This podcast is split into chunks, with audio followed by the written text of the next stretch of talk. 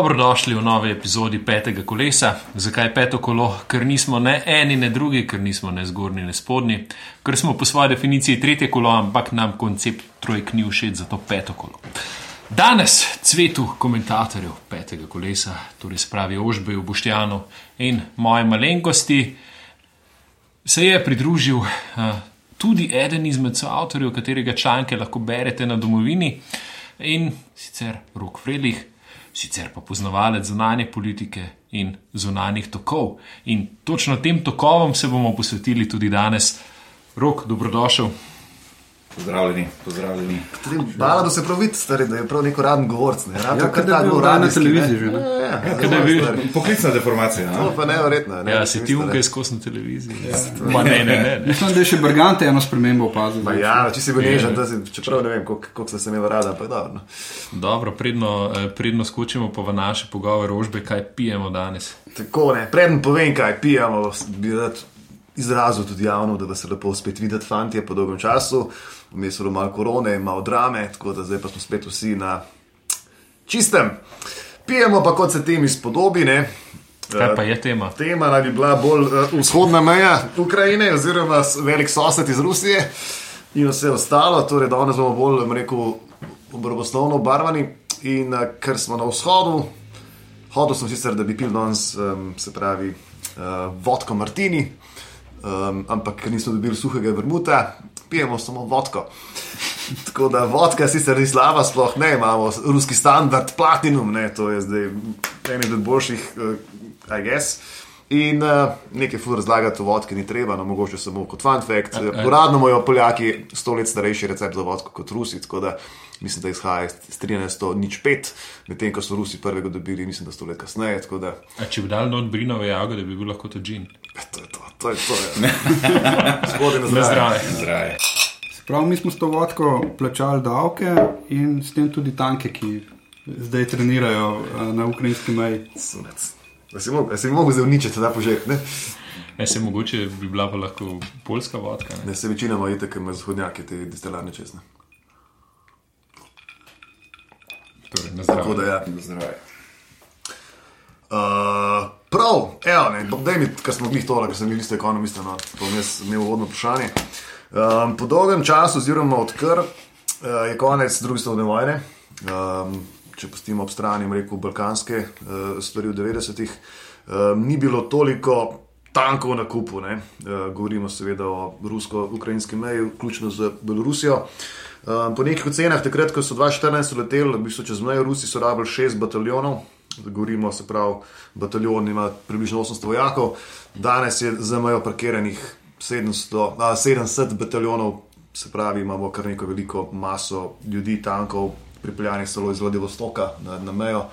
Um, torej, rok, kaj po tvoje se tam dogaja, oziroma zakaj smo tam? Zakaj uh, smo tam, oziroma kaj, kaj dejansko se tam dogaja? Uh, zdaj vprašanje je zelo globoko, zelo široko. ne. Uh, zgodovinsko pogojeno, če gledamo čist iz. Ni iz- treba do Kijevske Rusije, lahko mogoče bolj. Ja, lahko pa gremo recimo do 19. stoletja, m, Great Game in, in, in uh, podobnih zadev. Uh, kaj de facto se pa tam na te, na te meji dogaja, zdaj po nekih analizah tudi teh kijevskih, uh, ukrajinskih uh, inštitutov. Ruska vojska trenutno, kljub nekem številu velikih uh, kapacitet in, in, in vsega tega, kar leze in gre, pač iz te ruske vojske proti, proti zahodu, proti ruski meji, uh, Rusija trenutno dejansko ni v stanju napada. Uh, po projekcijah bi Rusija dejansko potrebovala trikrat večje moštvo in še znatno, znatno več tehnike, če bi dejansko hotla izvesti nek um, udarni in tudi uh, učinkovit uh, napad, uh, napad na Ukrajino, dejansko zasedbo ozemlja. Uh, smo pa po drugi strani smo pa, uh, priča neki politični histeriji na obeh straneh, kar pa nikomor ne koristi, oziroma verjetno bomo, bomo prišli do tega, da nekomu v resnici koristi, ampak uh, žrtev tega konflikta, kakorkoli obrnemo, je v končni fazi Ukrajina. In pa tudi evropske države, ki dejansko trenutno niso sposobne so ustvarjati ali pa odločati o varnostni arhitekturi na lastnem kontinentu. Okay, ne, um, nekomu koristi, ampak lej, če, če, nam, če na mejo pošljajo sile, ker ne morejo uh, cele Ukrajine zasest. Um, kaj imajo potem vsi od tega? Ne? To vendarle zelo veliko stane, da ti um, uh, sile v bistvu iz celotne države premakneš Pa tudi na mejo, da imaš tam te vaje, da, da v bistvu škoduje tudi tvoji ekonomiji, ker uh, marsikdo uh, poslov potem z ruskimi podjetji noče sklepati in tako naprej, z, zamaknejo se kakšne zelene naložbe in tako naprej. Se pravi, tukaj so posledice kar, kar zelo, uh, zelo, zelo, zelo globoke in to ni neko igranje. Ne? Se pravi, tukaj gre za, za neko igro, kjer so vendarle deleži, deleži morajo biti zelo veliki. Kaj si lahko taki bo od tega nekje imel obeta? a Ne?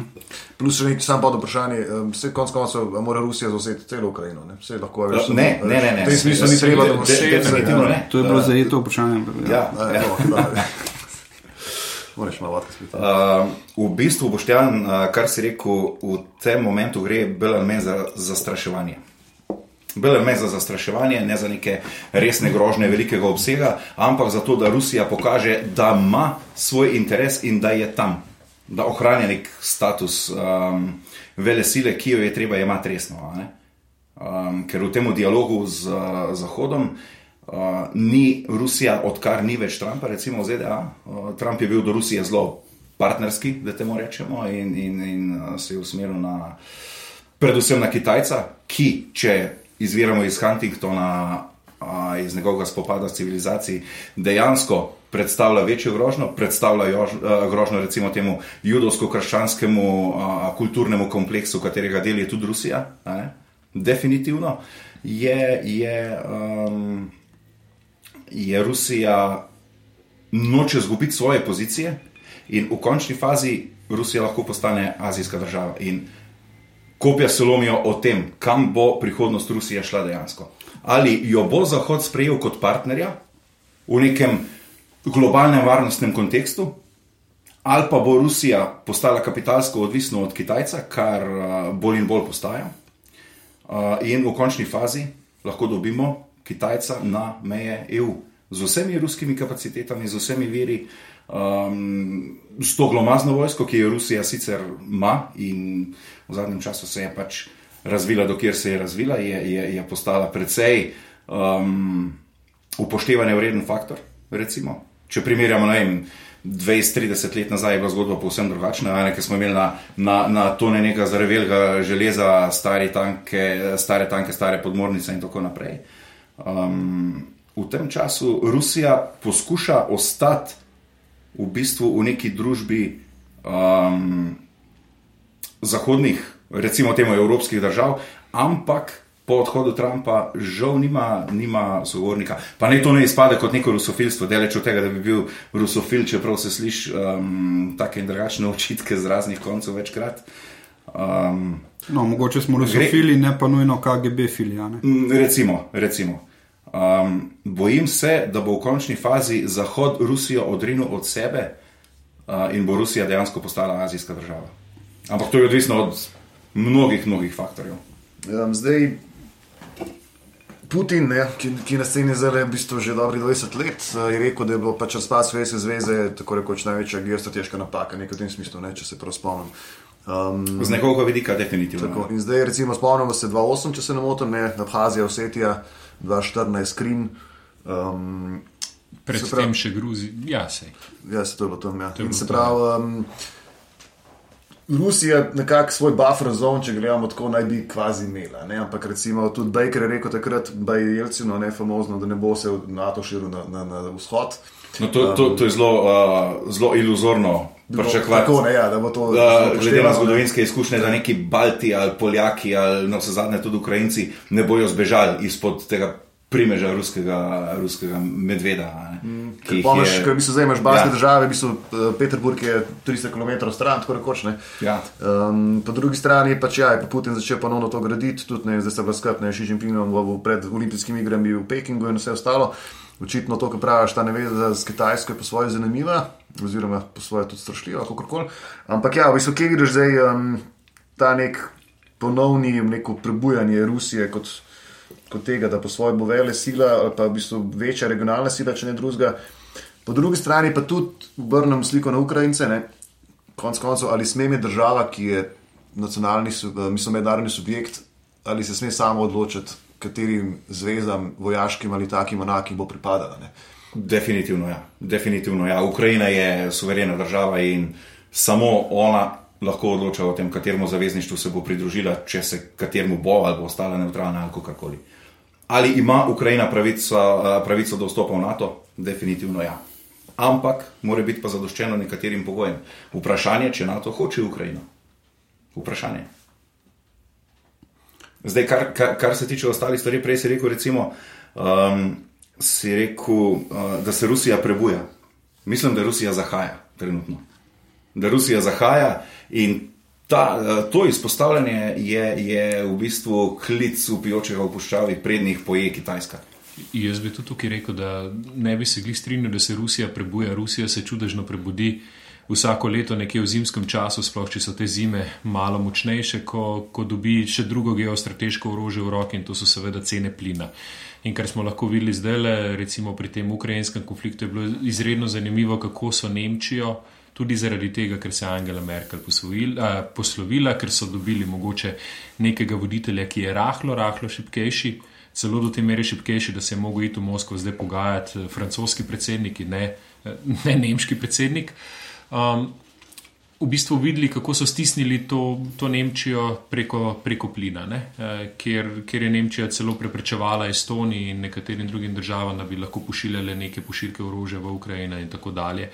In to je v bistvu zdaj ta, jaz bi rekel, da je tukaj večjo, stalno se gre za neko testiranje nekega odziva Evropske unije po eni strani, Po drugi strani pa vsi vemo nekako pragmatično, da je Putin zmeraj, ko samo doma ma, malo slabše kazale številke, obrnil ta pogled na vzven. Ne? In na zadnje se je to zgodilo v primeru Krima, kjer je potem seveda bil gladko izvoljen ponovno z veliko večino.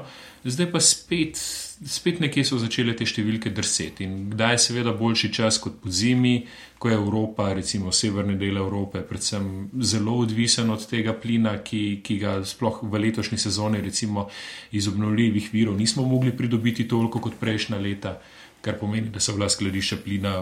Na četrtini prejšnjih zalog, kar pomeni, da je povpraševanje seveda večje, in tako naprej. Eh, zdaj, kar se tiče same mogoče navezave na, na Kitajsko, ja, tukaj so Kitajci so zgradili v nekem rekordnem času tudi ta plinovod, ki, ki bo imel enormne kapacitete odkupovanja zadev. Ampak jaz mislim, da tukaj tudi sami Rusiji ni v velikem interesu, da bi se vezala le na eno partnerico, ki je mogoče. Za katero mogoče vejo, da ni tako zanesljiva kot je Evropska unija. Ne? Definitivno, in, se, se, se popolnoma strinjam. Se popolnoma strinjam. In, in tukaj moraš pač vzeti več teh stvari v zakup. Ne? Zdaj, Rusija je, kot smo ugotavljali, ujeta v neko nehvaležno vlogo med Kitajsko, ki preko tega One Belt, One Road Initiative oziroma nove svilene ceste, ki Rusija v bistvu v tej inicijativi ni zares pomembna. Ne? Se, če gledamo tam, kaj, kaj je glavni namen te svilene ceste, je to, da se vzpostavijo trije koridori do Evrope.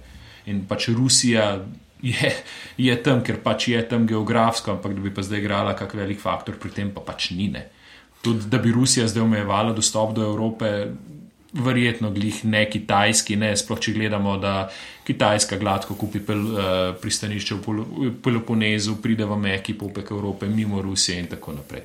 Jaz mislim, da gre za bolj za nek po eni strani ohranjanje moči Rusije oziroma dajanje tega vtisa, da neko moč imaš in da te ne smejo tako spregledati.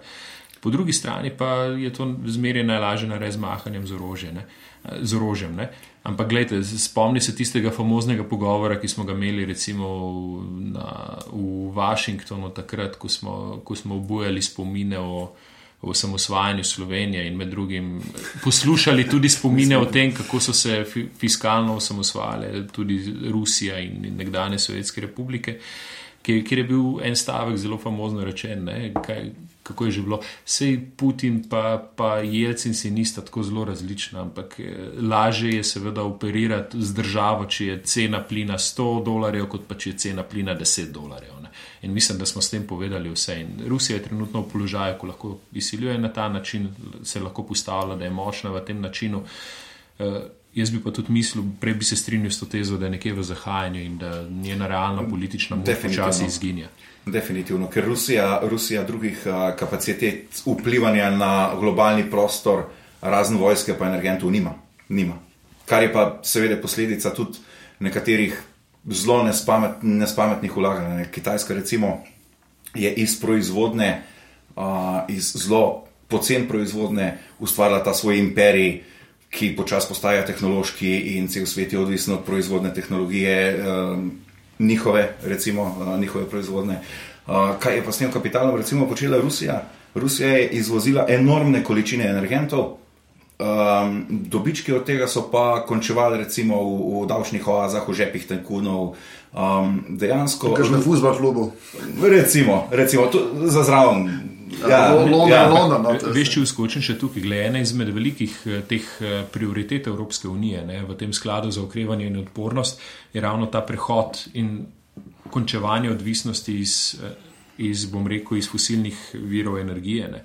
In tukaj je seveda fundamentalno ogrožena Rusija, ravno zaradi tega, kar je rok rekel. Ne. A veš, po eni Ja, strani, ki se ki razvijajo Kitajci, ki so zdaj eni izmed tvojih največjih odjemalcev, po drugi strani se ti, recimo, gre na to pot Evropske unije, ki so eni izmed tvojih najvišjih odjemalcev, in tebi se lahko zgodi, da v 20 letih praktično ostaneš brez neke gospodarske osnove. In seveda, če ti uspeš zdaj z vsemi manevri, tudi vojsko, v bistvu prisiliti te svoje partnerje, predvsem na evropski strani, da, da v redu se, da si pa kupimo mir, bomo pa rajš kupovali ta ruski plin po kakršni koli ceni pač, potem imaš seveda za neki let mir. Ne? Ampak je rok, recimo, da prej si omenil, v bistvu, da se je vojaška Rusija nekako pre, prenovila. Um, ampak koliko je res Rusija kot, uh, kot rekel, vojaška moč v bistvu relevantna? Recimo, če gledamo na GDP Italije, če se ne motim, je v bistvu, mislim, da večji od Rusije. Ne? Uh, ja, Recimo- Rusija mislim, da je nekje na ravni nizozemska ali nekaj takega. Ne? Um, pa, ja, če gledamo, recimo, vem, če gledamo Ja. ja. tudi obrambni proračun, takrat, ko je Trump rekel, da dajte Evropejci pač 2%, če ne vas bomo mi klokepe. Pa je rekel nemški obrambni minister, če mi plačujemo 2% za vojsko, je več kot plačuje Rusija za vojsko. Ne? A veš, tisto, ne? Pač koliko koliko de, de facto je tle- recimo Rusija močna. Uh, lej, na tej točki je vprašanje, vprašanje uh, cen vojaške robe. Ruski tank, ena armata, recimo, košta zelo verjetno, na pamet govorim, 30% tega, kar košta en Abrams. Ker je ruska vojaška industrija je cenejša, ker je v državni lasti, uh, ameriška vojaška industrija je pa pač do neke mere, do zelo velike mere, lahko rečemo, uh, pogojena privatnim interesom pač lastnikov teh podjetij, ki razvijajo, spomnimo se, razvoju ne vem, nekaterih letal ali pa, ali pa kakšnih drugih oborožitvenih No, sistemov. se tudi kvaliteta temu ustrezno um, primerja. Ne? Zdaj, kvaliteta, uh, kaj že je tisto avion, ta 35, ameriška. F-35, ja. Nefunkcionalen avion, ki ne leti in se ne proizvaja v končni fazi. Ne vem. Tam so res postavili kar neke desetine. Zapravili se je pa milijarde, ja, milijarde, ja, ja. milijarde se je vložili noter. a ne. Uh, Rusija z veliko manjšim vložkom je sposobna potegniti veliko več iz, iz um, recimo na področju vojaške tehnologije. Definitivno. Zdaj, In mi smo, moč, ja. mi smo, me, to mi je fulj zabavno.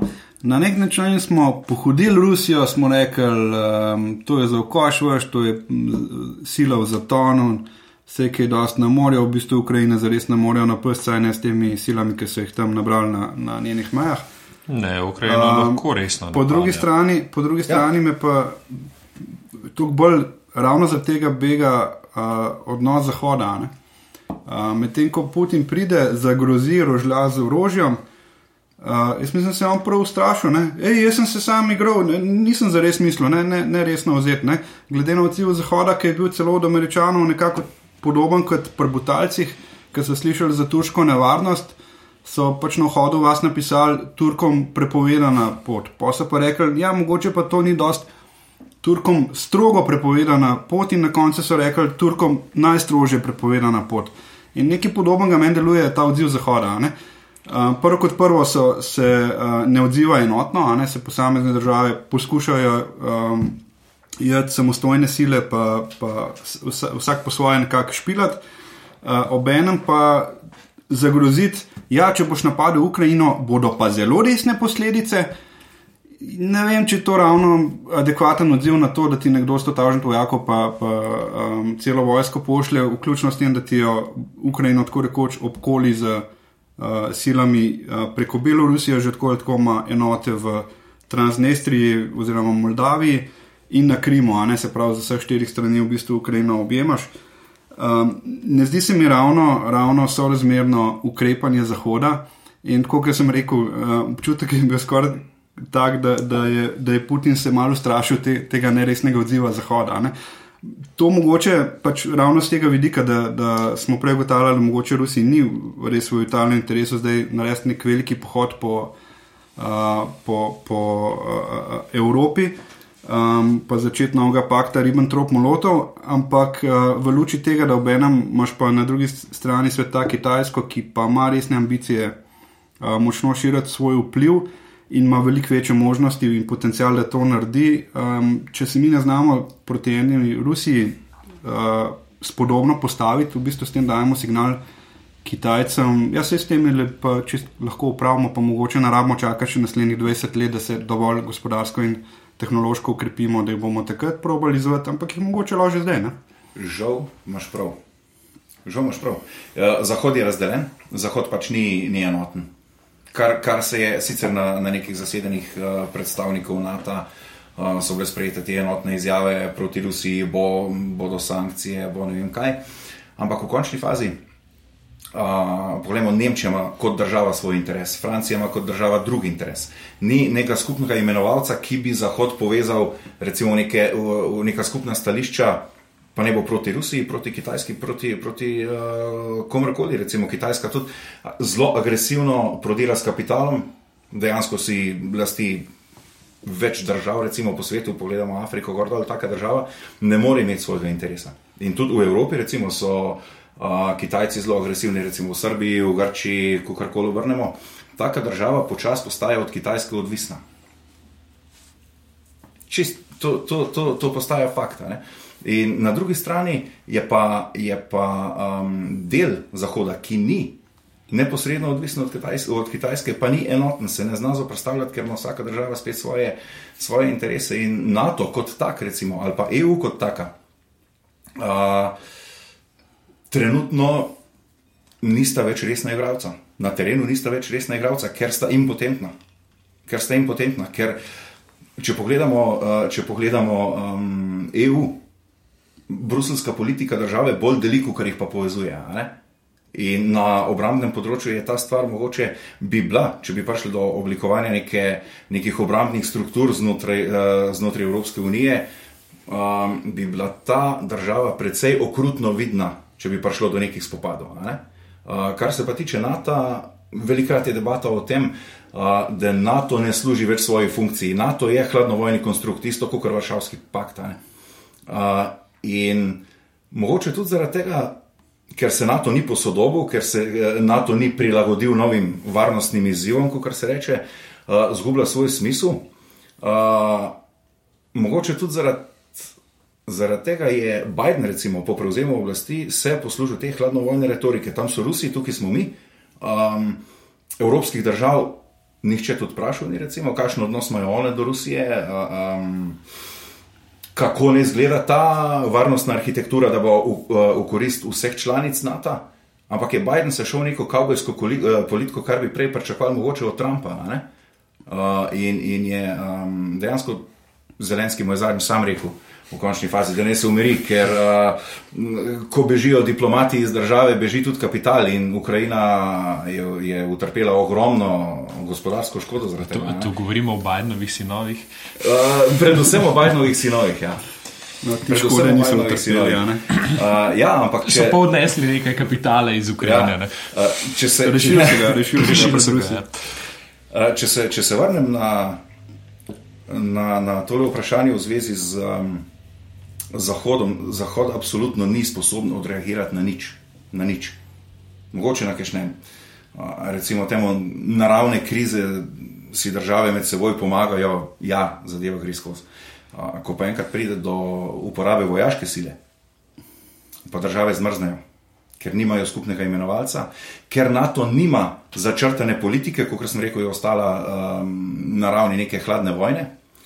Uh, ne zna se NATO obnašati kot recimo nek vojaški imperij sodobnega časa.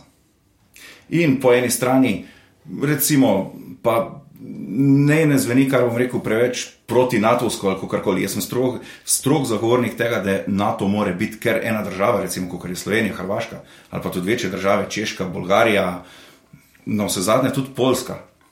Eno povprečno kitajsko mesto ima toliko prebivalcev, kot jih ima povprečna evropska država.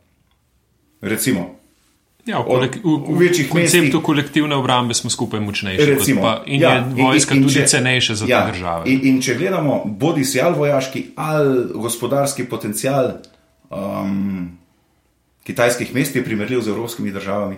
Komu bo ena Slovenija ali pa ena Avstrija na globalnem odru konkurirala, če nismo povezani? NATO seveda mora obstajati, ampak ne v tej obliki, kot obstaja zdaj. More se, um, obvezno je, da se NATO reformira politično in vojaško. Zdaj, nisem ekspert do ta zadnje matice na nekih letalonosilkah ali karkoli. Uh, ampak Trump, uh, zdi se mi pravilna smer, ki jo je nakazal v bistvu predsednik Trump, ki je na ostale članice je pač zahteval, kot si rekel, um, ali boste dali 2% ali pa dobite šamara ne, za, za, za vlaganja v oborožene sile. Trump je v bistvu hotel preložiti uh, več odgovornosti na ostale članice NATO, da ne bi ZDA pač vsega nosila, ker je imela druge prioritete, predvsem izven tega uh, severnoatlantskega prostora, on se je usmeril predvsem na, na Pacifik proti, proti Kitajski. Um, znotraj NATO bi po Trumpovu pač uh, ostale države nosile večjo odgovornost, ampak imele tudi večjo možnost uveljavljanja svojega interesa v tej politični areni NATO, ki jo NATO pač ponuja. Na Ampak je v sama, organizacija je ostala zakrnela, ni, ni se razvila naprej do te mere. Mislim, da spodbujal samosveto, našel samosveto od ameriške pomoči. a ne? Dejansko, on je videl Ameriko kot del NATO, ne pa kot, uh, ne pa kot uh, hegemona NATO. Se mislim, da tukaj pridemo dokaj skupaj. Jaz sem tudi prepričan, da, da odziv Rusije. Aha, Jaz sem tudi Eh, prepričan, da bi bil tipično.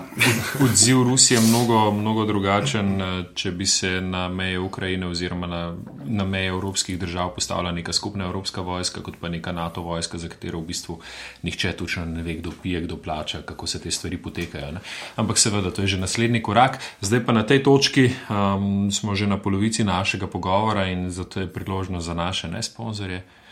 Poleg vodke, ožbe, kdo danes naši sponzorji niso. Tako, dame in gospodje, danes naši sponzorji niso. Šivamo drese za japonsko, nemško in avstrijsko skakalno ekipo, Aleš Hojs DO. Ne vem, zakaj se tam Aleš Hojs. Anyways, uh, Rudolf Horvat, Tomaš Majer, SP. A, a, veš, tak, tak, tak. Trenerker, ja. Referendum za tanke, čeprav ne gre za tanke, DO, bolje golob v roki kot plača na strehi, SP. In Marko Balažic, prvi povezanček DOO. Ja, v redu, hvala. Bravo, sponzorji. Ne sponzor, ne Ne sponzor. sponzor, ne. Uh, Le, ko smo pri zahodu, je meni še ena stvar uh, hecna. No? Uh, tako radi moraliziramo, v Ameriki uh, se radi ukvarjajo z, z svojo preteklostjo služne lasništva, v Evropi se radi ukvarjajo pač tiste države, ki so imele predvsem v Afriki, tudi v Aziji in druge kolonije. Um, po drugi strani pa nimamo nobene morale, oziroma smo predvsem cinični, ko gre recimo za uh, prebivalce Hongkonga, ki hočejo ohranjati svoje najbolj osnovne uh, svoboščine, kljub temu, da, da se je Kitajska uh, v pogodbi z Veliko Britanijo, članico NATO, uh, zavezala, da do leta 47 se ne bo dotikala njihovih pravic.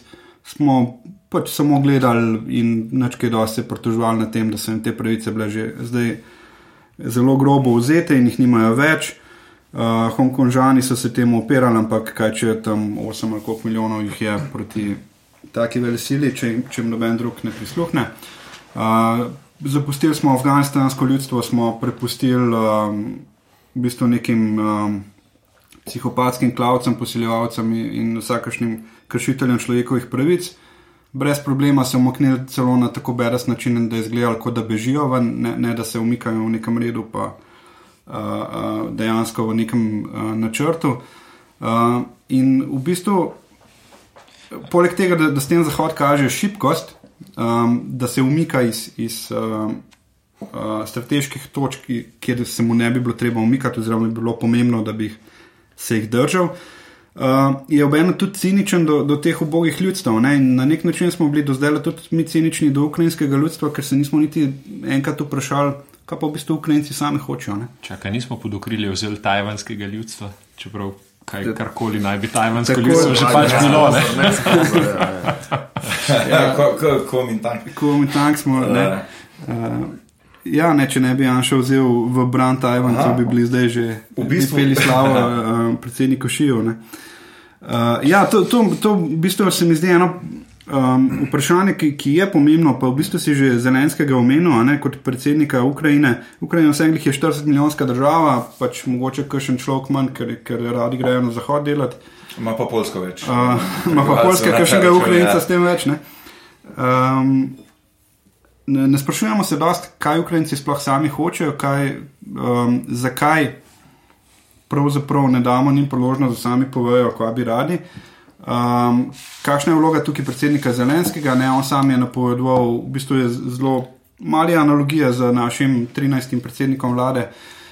Um, Šarcem, ki je prav tako kdaj kakšnega politika vodilnega igral, tudi on je igral predsednika, preden je postal predsednik, celo svojo stranko poimenoval po tisti nadaljevanki. Um, ja. Kako se on znajde v vlogi? Ko- Pač kako, pa, meni osebno nekako deluje, da, da se ne znajde najbolje, a je to ta pravi občutek. Ha, ja in ne. V bistvu Zelenski, vloga Zelenskega je bila, on je bil izvoljen kot kompromisni kandidat. On je bil podprt in iz strani Donbasa, separatistov, in iz nekih nacionalistov, um, nacionalistične strani, ki prevladuje pač na zahodu Ukrajine.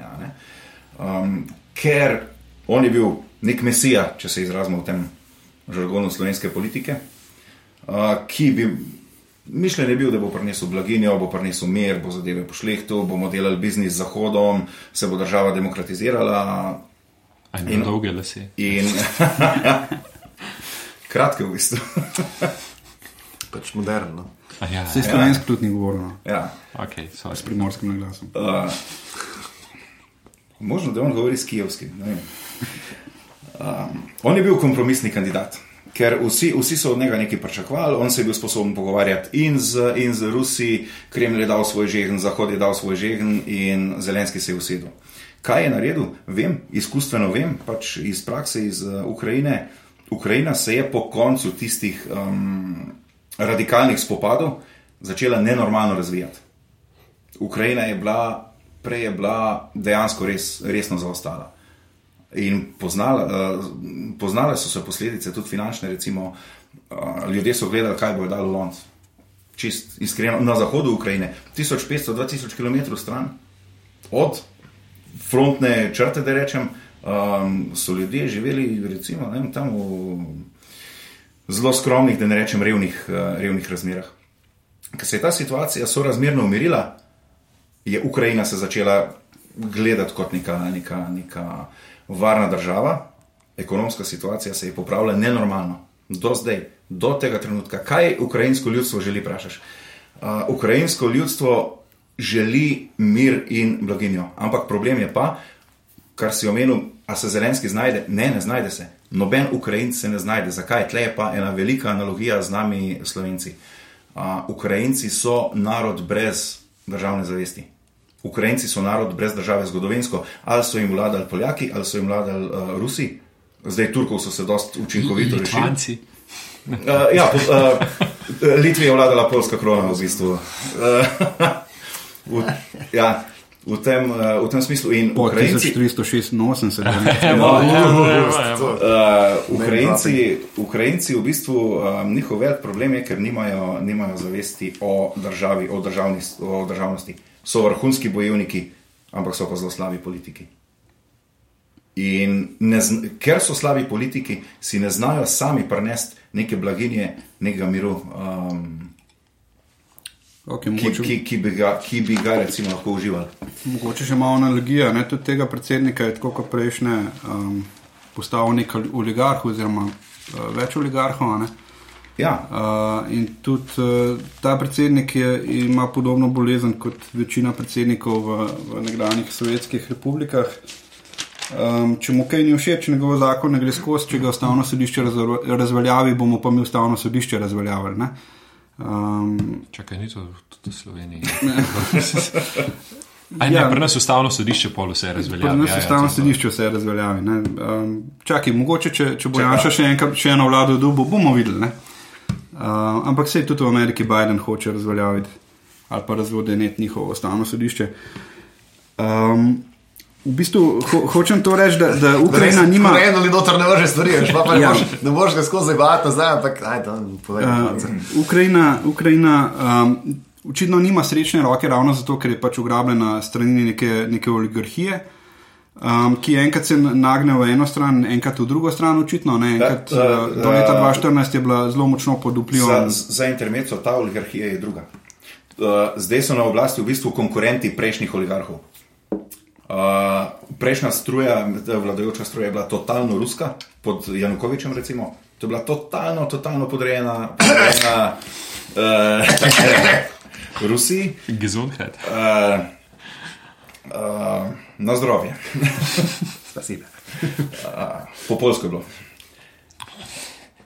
Ker še zmeraj vidim, vidim, Polake, vidim Polake kot neke, nek pozitiven element v Ukrajini, pa še sam ne vem točno zakaj. Um, Na Ukrajincih. Ne. a, ja, je, uh, Poljska, Poljska je v bistvu zelo pomemben element pri razvoju Ukrajine. Zdaj, zdaj smo okay, malo delili Malo, s tem, malo, ja, malo, tako je, tako je. ja, ja, ja. Oligarhija. ne, Dobro, to? Ja, se da izrezati. Oziroma, če, Ampak če smem, ja. ja, eh, no, če, da, da, da, sem mislil, Te- Težava, ki, ki ja. pač jaz vidim, je tukaj, a ne, da, da se Ukrajinci ne- nekako ne znajo izviti v. v pač, kot si rekel, a ne, da, oligarhija, ki je Janukoviča podpirala, je bila, je bila uh, v kremplih uh, Kremlja. Um, oli, drug, drugi del oli- oligarhije, ki je očitno um, hotel delati biznis z Zahodom, um, je na oblasti sedaj. Uh, a se to lahko v bistvu zelo hitro zamenja? ne? Um, izgleda, kot da Ukrajinci o tem nimajo kaj dosti besede. Ne? Ne, ne, Ukrajinci nimajo, uh, Ukrajinci kot ljudstvo nimajo besede uh, o tem. Zdaj, ali se lahko zamenja, ali se ne more zamenjati, v dani situaciji ne. V dani Ker- situaciji ker... ne. Uh, ta oligar- oligarhija, jaz mislim, da ne bo odletela, zna pa biti, da se bo pa proruska začela krepiti na določenih segmentih. Recimo. Možno, ne vem. Uh, kot je meni zgleda leta 14, pač lahko, da, da se motim. Um, sem razumel tiste spremembe kot res ene tektonske spremembe, ne? da bo Ukrajina se vrnila v naročje neke um, evropske civilizacije.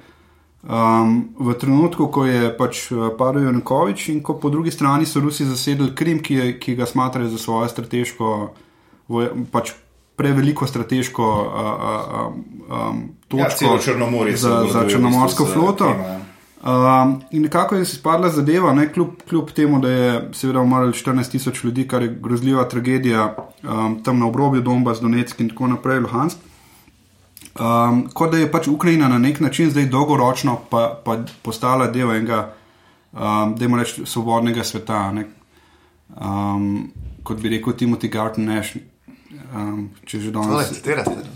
Uh, obi ne znano nobenega citirati. Jaz sem po, eh, kaj ga ne bom, samo še moram ja. priti na vrsto. no, Ja, no, ja, okej. ja. Pač, a je to zdaj res to? ne? A, so, a je Ukrajina zdaj v večinski, večinskem delu, pač, recimo, da, da Donbass se lahko še vedno odcepi, recimo pridruži. Uh, Donbass se ne, bo, uh, se ne bo odcepil, ker ni v interesu Rusije, da se kakorkoli odcepi. Rusija, recimo, diplomatsko um, izraža zelo jasna stališča, da je proti delitvi Ukrajine. Zakaj? Ker z, z obstojem, z obstojem um, teh avtonomnih ro- republik Rusija dobi institucionalizirano diasporo. Preko katere ima direktno vpliv na Kijev in s tem na celo državo. Če se spomnimo Kurdistana, uh, kurdska regionalna vlada je dejansko vladala cel Irak iz avtonomnega Kurdistana. Uh, Barzani, Talibani in tako naprej, uh, uh, vodilni politiki. In Rusiji definitivno ni v interesu, ker pol bi izgubila še 1500 km bufferja, ki ga zdaj, recimo, do ene mere lahko nadzira prek, prek te svoje diaspore. Je pa drug problem.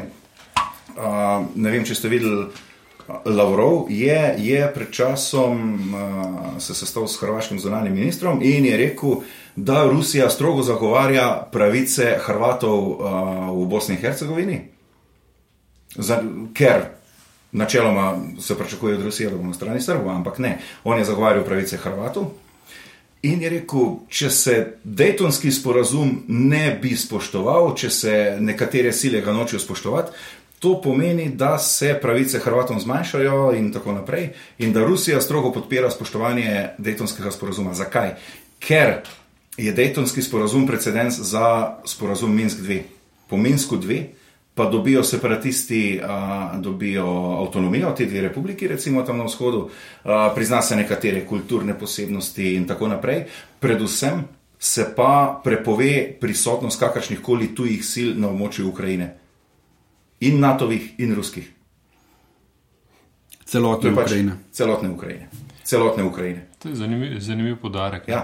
Če, če že kvotamo danes, ne našel sem eno izjavo Henrija Kissingerja. A si ga, Verjetno se je, tako seveda, iz rokava, zdaj je Marko Na stresel. temo Ukrajine, ne, ker on točno to, ne, recimo, ko smo prej govorili o vplivu vzhoda ali pa zahoda, ne, torej se pravi zaho, eh, zahoda ali Rusije. Ne, in on pravi Ukrajini, ne, če Ukrajina želi preživeti in eh, prosperirati, ne, ne sme biti. Um, Outpost ene strani proti drugemu, ampak mora biti most med obema, med obema poloma. Ne. To je res. Tako to je da res. to je verjetno, je verjetno, se vsi strinjamo okrog tega. Ampak nekaj si dva pola omenil, pa kar je tudi čas, da še kaj eh, citiram. Ne? Skratka, Kako povežemo Slovenijo, most med levo in desno, zeleno Slovenijo? Ne? Dobimo se v Kijevu.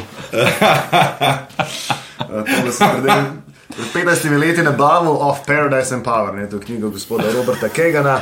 To zdaj tekmujemo. Tako, da, tako ne, zdaj vsak mora nekaj citirati. Uh, pač to na hitro, mislim, ta avtor ne pove nekako takole, če rečemo to v dveh stavkih, da imaš. Um, da, v bistvu, da je Evropa paradiž zaradi v bistvu powerja, ki ga nudi Amerika v smislu realne vojaške moči. Ne.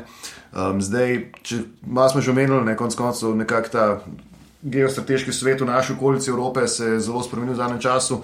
Turčija postaja vedno bolj pomembna, Rusija, um, se pravi, kako je pa, mislim, malo smo že debatirali o Evropi, ampak koliko res tle Evropa igra neko vlogo sploh. No. Ej, sak, meni, meni je že bo, meni bolj všeč moja misel, da je že Kissinger vedel, kaj je povežemo pomembno. Ne? To je to, to je to. To je to, ne? če delamo Um, analogijo. koliko je ja, dejansko, vloga Evrope. ne, ker Recimo, ne. Amerika je reševala Evropo leta 1999, govorimo se pravi, tebe ne dajo na tarčo? No? Se pravi, Amerika je reševala že takrat Evropo, um, buffer zone Evrope, če gledamo Severna Afrika in ta uh, bistvo, Middle East. Uh, Tudi nimamo mi več pod kontrolo, tako rekoč, torej, ja, kako bi šla Evropa v odnosu do ukrajinske krize, oziroma kaj smo naredili. Uh, nič. V, v, v tem stanju je verjetno nič.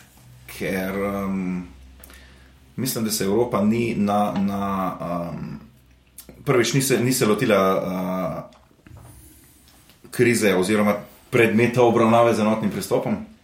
Drugič pa ne vem, če ima Evropa kapacitete in recimo kakršne koli pravne vzvode ali pa kakorkoli prek, na katere bi se lahko nanašalo v nekih svojih, uh, svojih akcijah, kar se tiče Ukrajine. Ker recimo ameriških vojakov uh, v Evropi mislim, da še vedno nekaj 35 avžent. Ja, možno, ja, predvsem več, po ja. Nemčija. Nemčija, ja. Italija, zadeve, Ja. ja, ja. Uh, ja, E- Evropa, spet smo pri tisti razdeljenosti. Država do države, recimo, če se, če se, če se um, kregajo neki Mačari in Slovaki, en pred drugim, recimo, pa Nemci, pa Francozi, pa ne vem kdo, je določena neenotnost, ki definitivno ne more biti podlaga za en enoten, enoten nastop EU-ja kot institucije, kot uh, neke zveze držav proti nekomu. Sicer EU se trudi, zdaj smo videli tam. Uh, predvsem v vidiku te migranske krize uh, na beloruski meji je EU ne vem koliko milijard obljubila srednjeazijskim državam za preprečevanje raznih, ne vem, magar letov, uh, letalskih prevozov iz, iz, iz uh, teh žaričnih držav za migrante do Belorusije in tako naprej. Evropa je obljubila pač tam nekaj milijard, ampak po nekih projekcijah oziroma napovedih uh, sta in Rusija in Kitajska ponudila več, kar se tiče interesnega vpliva. Je pa Evropa uh, s tem končno, končno stopila kot igralec na polje ali pa na odr geopolitike, ker do zdaj tega nismo videli, nikjer. Ampak glih Ukrajina, ki je za Evropo mogoče bistvena, je pa tle izvisela, totalno. Ampak to se spomnim, ker je Bertrand delal magisterij gor v College of Europe. ne. Um, to je pač popek znanja Evrope, tako rekoč. Ne, Ja. ja. bili tam, mislim, da 14 ali pač cajt, ali 2013. Ja. Unika so predavali Ukrajino, pa ni- nobeno se niti sanjali, ni da lahko pride do tiste 2014. Recimo, ne, Tok nevedni, kot so bili naši največji štručkoti za neko mm. geopolitiko ali pa mednarodne odnose. No, no, no, kam on se si se pogovarjal s Pokojamo, kjer je rekel, da se še leta 89 noben ni v mokrih sanjah predstavljal, da bo Sovjetska zveza razpadla. No. No, vse to nekako pravi, da v bistvu tle Evropa, kljub temu, da je to tako rekoč naš, mislim, ne samo interesna sfera, to je pa skod, mislim, tudi geografska in vse ostalo. Se mi zdi včasih res pre- presenetljivo, ali, ali naivno, ali ne mogoče, ali kaj, mislim, kako bi to, to imenoval. no. Je, je naivno, je pa po drugi strani spet pač um, še zmeraj se Ukrajina, če smo čisti iskreni, bi rekel, Mostric, se Ukrajina še zmeraj smatra kot nek ruski buffer zone, ki se ga pusti na mir. Ne vem, a se strinjaš, Marko, recimo.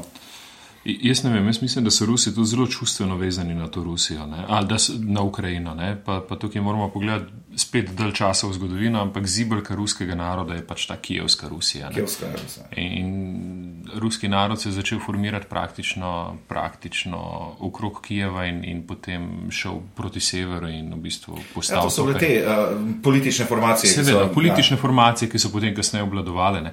Ampak, veš, jaz, jaz tukaj mislim, vsak, vsak je tukaj Rusija. Pa gremo jutri Ne, na Balkan, hočem če povedati, Rusija je mogoče na to območje bistveno Zakaj bolj ne? emotivno vezana, kot je Evropija, E- Evropa bila kadarkoli. Ne. Kdaj smo se mi mogoče prvič v zgodovini, kar se tiče sploh nekega evropskega ali pa zahodnega pogleda, za- zaveza, zavedali Ukrajine, ne, je verjetno v prvi svetovni vojni, ker je bila glih tista galicijska fronta, kjer je veliko vojakov umrlo. Vse predtem praktično za Ukrajino ni slišal nihče. Ne oziroma so bili zelo redki te, ki, ki so temu dajali kako pozornost. In se mi zdi, da vedno je bilo nekako ta, bom rekel, nek ignorantski odnos do tega. Recimo, Zah- Zahodnocentričen. Zahodnocentričen. Zgodovina se na vzhodu Nemčije neha. Ne? Točno to, veš, že- že- Neha se zgodovina, neha se politika. Ne obstaja Poljska, Ukrajina, Rusija ne obstaja. Točno to, vse to Žak Rupnik lepo poimenuje s tistim izrazom Lotre Evrop, uh, druga Evropa, ki, ki je nekje tam zadaj. Ne? In Ukrajina, žal moram reči, da kljub tej širitvi Evropske unije največji, uh, kljub temu, v bistvu, da se je pripoznalo nekaj novih držav oziroma se jih potegnilo zraven, je, je, je ostala na robu tega. Ne? In jo tako dojemamo, in v resnici je nobena dojema kot nek svoj problem, sploh kar se Evrope tiče. In se mi zdi, da je potem ta angažma zelo, zelo primeren temu. Ne?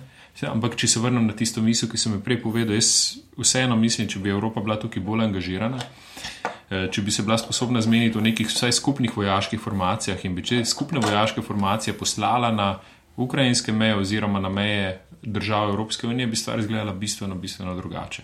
Zdaj pa pač vsem interesu, da, da so stvari take, kot so, mogoče malo raštelane, Putinu koristi zaradi tega, ker si s tem dviguje prepoznavnost, ker mal uh, več plina lahko proda na severu. No, prepoznavnost, hočem povedati, priljubljenost doma, politično priljubljenost doma, da se popravim. Dončeš kot dobro igra, da moramo tekmovati. In, in to so vse te zadeve. Hkrati pa je seveda. Hkrati pa seveda NATO tudi do neke mere ustreza, ker pač dobivamo nekega zunanjega sovražnika, ki seveda spet konsolidira neke, neke NATO politike. In, in pač Ukrajina je tukaj izvisela, žali Bog. Ne? Totalno je izvisela. Na, narod na koncu izvisi sej. Um, a veš, na koncu koncev, pa če pogledaj, prej na začetku smo omenili? Uh, evropska odvisnost od uh, ruskega plina, predvsem ta nemška ogromna mašinerija, gospodarska, se mora z nečem napajati. Um, a ni zanimivo, da je Biden von der Leinovi um, dal poslovni predlog pač ob sankcijah in blokadi Severnega toka 2, s čim naj se ta plin nadomesti? Američani bi stankarji vozili, povedal je katero podjetje. Bo Nemčiji ameriški plin dobavljalo po za cene, ne vem, ampak si pa predstavljam. Ampak, veš, to je biznis model. Ne? Po drugi ja. strani pa tudi vemo, da neformalno severni tok gradijo oziroma dokončujejo preko obvodov ravno ameriška podjetja. Ne? Ja, Kar je pa spet smešen absurd. Ne? ja, Tako ja. da američan je pozicioniran tako, da z obeh strani No, sem Biden je rekel Nemcem, kao, da pač to je celo dal veto na ta drugi tok, ne, če se ne motim, nekaj vmes. Uh, ja, drugi tok je, je ena najmočnejših sankcij proti Rusiji. A ne? Ampak to reče Biden, ne, ne pa v bistvu Evropejci, ker je pa svoje, no, ni to malo tako. Ne, Pa če bi, pa, v- če bi Evropa ja. želela biti globalen igralec, bi mogla točno to Bruselj bi moral reči, zdaj pa dovolj drugega toka, mi se Ja, igramo. po realnost je taka, da nam so šle cene plina v nebo, dokler niso američani poslali uh, 12 ali koliko tankarjev utekočenega zemljskega plina proti Evropi. a ne. Uh, In vsega so spet smo krivi mi- Nemci, ker so zaprli jedrske elektrarne, če so se Ja, najbolj absolutno, ne. Absolutno. Um, in do, dokler smo pač, Makronih, pa gradi nove, tako da lej, se, se zgliha. Koliko šest novih, ne? Pa, Ja. pa vrtovc bo še sedmo zgradil. mislim, da je pojutrišnjem otvoritev. a ne. Um, Ja, res nisem, nisem dobil vabila. pač dokler, dokler bomo, dokler bomo v, v tej vlogi, da um, pač Evropi lahko Rusija reče, a ja, ne si uh, plina ni, oziroma lahko počasi priteka, oziroma bomo mi povedali, pa po kakšni ceni, do takrat pač Evropa ne more biti resen igralca. ne. Uh, če Evropa ni bila sposobna niti toliko um, srednjeročno načrtovati, da bi imela skladišča polna, tako da bi bila za tri mesece uh, strateško preskrbljena za, tako vitalno zadevo, kot je zemljski plin, pol Bog nam pomaga. a. Hvala Bogu za, za Ameriko, oziroma za to, da smo del NATO um, na kakšen koli način. ne. Uh, in to je ob enem sicer fajn, da tako živimo, ampak je zastrašujoča misel. ne. Sploh, uh, ker nas v resnici čaka izziv, um, kako bo to izgledalo, ko bodo Kitajci pritisnili na, na, na, za svojo strategijo, ker bodo šli lepo od države do države in nas um, enega po enega Ja. pojedli. Ja. Uh, brez najmanjše težave, vse tako zgleda. Uh, in tle, ali bomo spet odvisni od ameriške pomoči, ali bomo pa nekako sposobni sami stopiti v korak. Um, ful smo polni naslovnic v časopisih ta teden, kako bomo vložili nekaj čez 40 milijard v, v uh, sposobnost uh, proizvodnje čipov. Ampak to je približno toliko, kot bo TSMC na Tajvanu vložil v malo več kot eno leto. ne. Um, sami na sebe smo, smo izjemno ponosni za ukrepe, ki, ki so bolj kot ne sami sebi namen, oziroma da sami sebi damo vedeti, kako smo fini in fajn. a ne. To, kar ga optimizma dosta. Ja. Ja, ne. Ampak skoraj mislim, na kjer bi zaključili naš današnji podcast. Ne? Ne, no, da Ne, zdaj ne, vprašanje dajmo. gosta, ne pa da tle formalno pol, pol podcasta govori, pa mislim, to je tu mač. To je sam, sam pesimizem stresa. ne. Je to res. se mi zdi. No, da je še en kvot, poveš, Beno.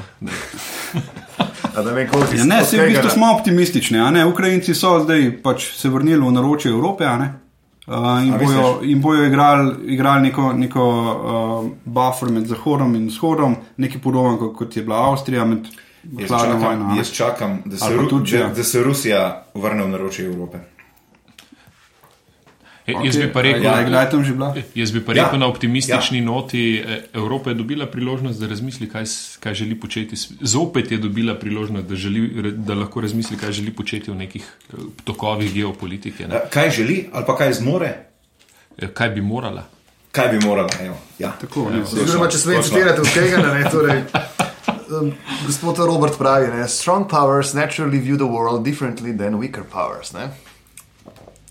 A, a, a, lahko- ponoviš? Ampak mislim, da je sorry, Briljanten citat. Ja. ker tega nisi prevedel. Ampak, dobro, Ja. um, vse bi, bi zadnjo vprašanje za roka. Glej, um, ne, ne more. Ne. Ne, mislim dejansko, kaj ti misliš, da je endgame oziroma zaključek zgodbe v Ukrajini? V, mislim, nisi zdaj te rekel, uh, nimaš uh, steklene kugle, ampak um, kaj pa tvoje, ali pa da bolj optimistično v smislu, kaj naj bi bilo, oziroma kakšen je pa tvoj dober zaključek te, te zgodbe. Um, a lahko citiram ministra Tonina? Ne vem, Ja. ja. glasujemo. Ja. Jaz sem za, jaz sem ja uh, A to je že za referendum vprašanje? ali? uh, pogajanja in um, dolgoročen kontinuiran dialog z Rusijo. Recimo. Brez, brez neposrednih vojaških konfliktov, brez neke eskalacije, treba delati pač na, na, na deeskalaciji, na pomiritvi zadev, tudi na obnovitvi finančnih, gospodarskih vezi s tem vzhodnim svetom, da rečem. a ne. Um, definitivno. Uh, bila bi pa nekoč, nekdaj, uh, moja želja, da se med Rusijo in med Zahodom ustanovi neko Pa ne rečem temu pakt o nenapadanju, ker smo že slišali na ime Ribbentrop Molotov ali kako koli. Ja, ne. ker slejko prej se v takih situacijah nekdo napade, ampak um, neko povezavo, neko, neko globalno strateško partnerstvo, ki sta ga nakazala v sicer zelo mehkem obsegu Trump in Putin v tistih Sirija. Sirija. Re- Recimo Sirija, recimo, recimo uh, fokus na, na, na, na Pacifik, kakorkoli, kakorkoli gledamo. A, lahko mogoče še jaz parafraziram, ker danes smo polni vseh uh, kvotov in izjav. Ne? Uh, kaj je po mojem endgame? Endgame je še zmeraj to, kar je rekel Fukuyama, ne liberalna demokracija, pa ne LDS, da ne bo kdo narobe razumel. Ampak je pot do tja, kot nam je tudi nam rekel v knjigi Slovenija in pika. Product placement, reklame, niste tako opazili. ne? Prodajate, res. Ampak eh, pot do tega je, še, je malo teže, kot si on v tistih naivnih letih predstavljal. In jaz mislim, vse za Ukrajino in za vse te države okoli, ko bo ta liberalna demokracija delovala tako, kot more, potem se bodo te zadeve začele tudi preko dialoga. A sploh malo provokativni. No, da je Začeli smo s Huntingtonom, ta zaključuje s Fukuyama, pa obe tezi sta zelo sporni, on so menili, da Ja, pa se je bil Huntington, napredujejo, Han- Huntington je bil profesor od Fukuyame, Ja, ja, oziroma njegov mentor. Ja, mentor. Eh, A se ti zdi, da je liberalna demokracija zmožna, zmožna um, funkcionirati kot je prav? Kot je moralno in etično nesporno. Mislim, da je to pre- zelo- predvsem, Mislim, predvsem, pa, predvsem pa za, ene, za, za družbe kot sta ruska pa ukrajinska. Mi- mislim, da je Pravoslavne, to- zelo konzervativne. Um, Lahko lahko zaključimo s Churchillom. a Ne? Evo ga, to je to. Ne, mislim, da je to sicer reči za nič, Ja. am- ampak, ampak še vedno boš, kot vse ostalo, kar smo probali. Ne? Ja. Ali lahko zaključ, zaključim še z enim kvotom? Uh, največji ukrajinski pesnik Taras Ševčenko, sicer prevod v slovenščini. Ukrajina, je- Ukrajina, mati moja draga, ko srce se na te spomni, me britkost premaga. A, a ni dal to. še čenka gola Tako proti da sonce hodi, prepiri sveta bo Ja. pran. To je to, ne, To je ne to. samo ni dal še čenka gola proti Sloveniji, pa je Pola Čimovič. Ja, naredil sem tisti pisem. bil Andrej Ševčenko, ta je bil Taras. Uh, Hotel sem na šala obrniti.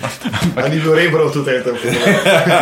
Ali pa Rus, ne, ne. Na tej, točki, na tej točki pa zares zaključujem naš današnji podcast. Hvala, hvala poslušalcem, eh, da ste preživeli z nami ob tej vibrantni diskusiji eh, o naših zunanjih mejah. Eh, Za naslednjič pa ja, ustaja nekaj potencijala in se slišimo znova v kratkem. Hvala.